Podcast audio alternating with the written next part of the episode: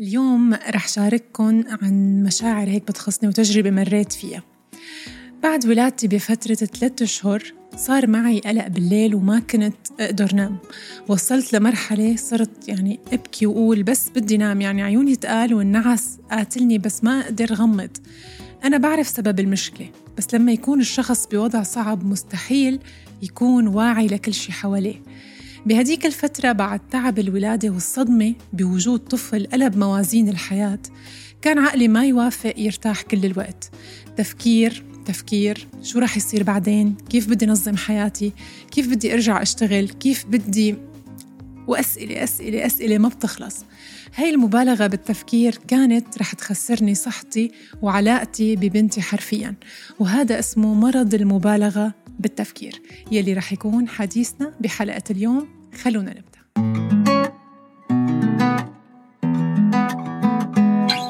أهلا وسهلا فيكم بحلقة جديدة من بودكاست من البيت كلنا بتمرق علينا ساعات منكون فيها عم نعيد ونعيد نفس الأفكار كان لازم جاوب بهاي الطريقة ليش ما انتبهت وعملت هذا العمل؟ ليش تصرف رفيقي أو شريكي بهاي الطريقة؟ هل بحبني؟ ليش جاوبني فلان هيك؟ وغيرها كتير من الأسئلة والمشاكل يلي بتدور ببالنا طول النهار وما بنقدر نغيرها. هذا بنسميه التفكير الزايد واحد من المصطلحات يلي صرنا نسمعها مؤخرا بشكل كبير.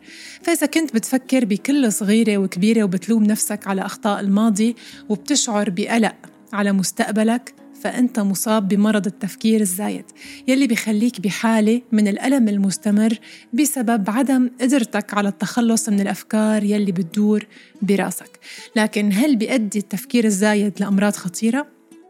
بعض الأشخاص ما بيتوقف عقلهم عن التفكير بشكل مستمر وبتتضمن أفكارهم القلق من المستقبل الندم الألم على الماضي وكلمة لو ويا ريت بتنتبهوا إنها دايما موجودة بحديثهم طيب كيف بيصير هالشي عائق؟ بعام 2010 أوضحت دراسة ليكزس نيكزس أنه الموظفين بيقضوا نصف وقتهم بتلقي وترتيب المعلومات. بياخدوا أوامر أفكار جديدة للعمل تطوير جانب معين بالشغل لكن ما بيستخدموها بالعمل. لهيك برجح البعض أنه التفكير الزايد هو مضيعة وقت وبيزيد صعوبة أخذ القرارات وبتأثر على إنتاجية الشخص بالشكل التالي. واحد.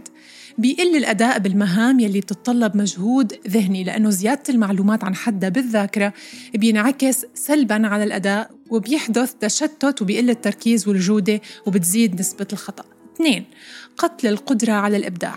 جامعة ستانفورد أكدت أنه زيادة التفكير بيأثر على الإبداع وكل ما فكر الإنسان أكثر كل ما قل إبداعه.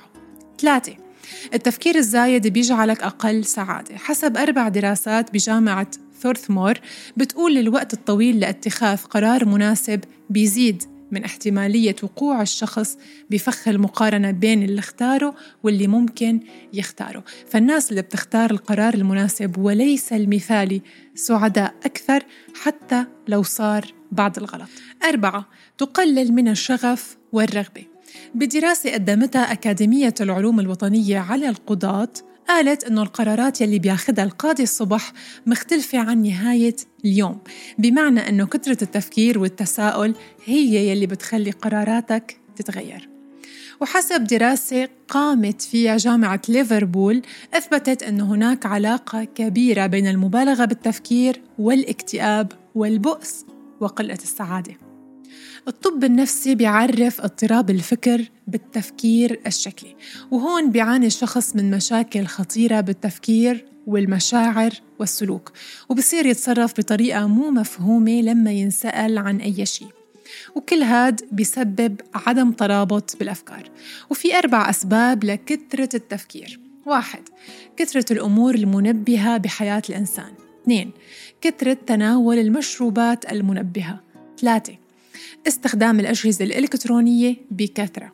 أربعة القلق الاجتماعي والخوف من الفشل ومن نظرة المجتمع والتجارب الصعبة السابقة ونتائجها على الشخص. وفي ملاحظة كتير مهمة قالتها ليندا سابادين أخصائية علم النفس السريري إنه المنشغلين بالرياضة والأعمال التطوعية والقراءة والتعلم والكتابة ما عندهم مرض التفكير المفرط ووجدت إنه في أربع علامات للتفكير المفرط وهن البحث عن الكمال وعدم تقبل الذات كما هي. التركيز على الزلات الصغيرة وتوافه الأمور. الندم على الماضي والفرص يلي ضاعت من إيدنا. القلق الخوف من المستقبل وعدم تطوير أدواتنا ومعرفة أنه التجربة ضرورية والفشل ضروري. بتختلف الأقوال عن تأثير التفكير الزايد. البعض بيقول إنه التفكير الزايد بيأثر بشكل سلبي على صحة الإنسان بيخليه طول الوقت قلقان مرتبك ما بيعرف ياخد قرار صح لينهي الشيء يلي زعجه ويركز على نفسه. والبعض الآخر بيشوف إنه كثرة التفكير بتجي حصراً من المشاكل العاطفية والشخصية واللي بيلجأ الكتار للتخلص منها عن طريق أساليب غير صحية. مثل شرب الكحول أو الأكل الزايد السهر وهيدا الشيء اللي بيسبب أضرار كتيرة. مثل الإصابة بالأرق وعدم القدرة على النوم الهادئ. نشاط زايد بالغدة النخامية والغدة الكظرية وهذا بيأثر على مناعة الجسم وبيسبب بعض الأمراض السرطانية.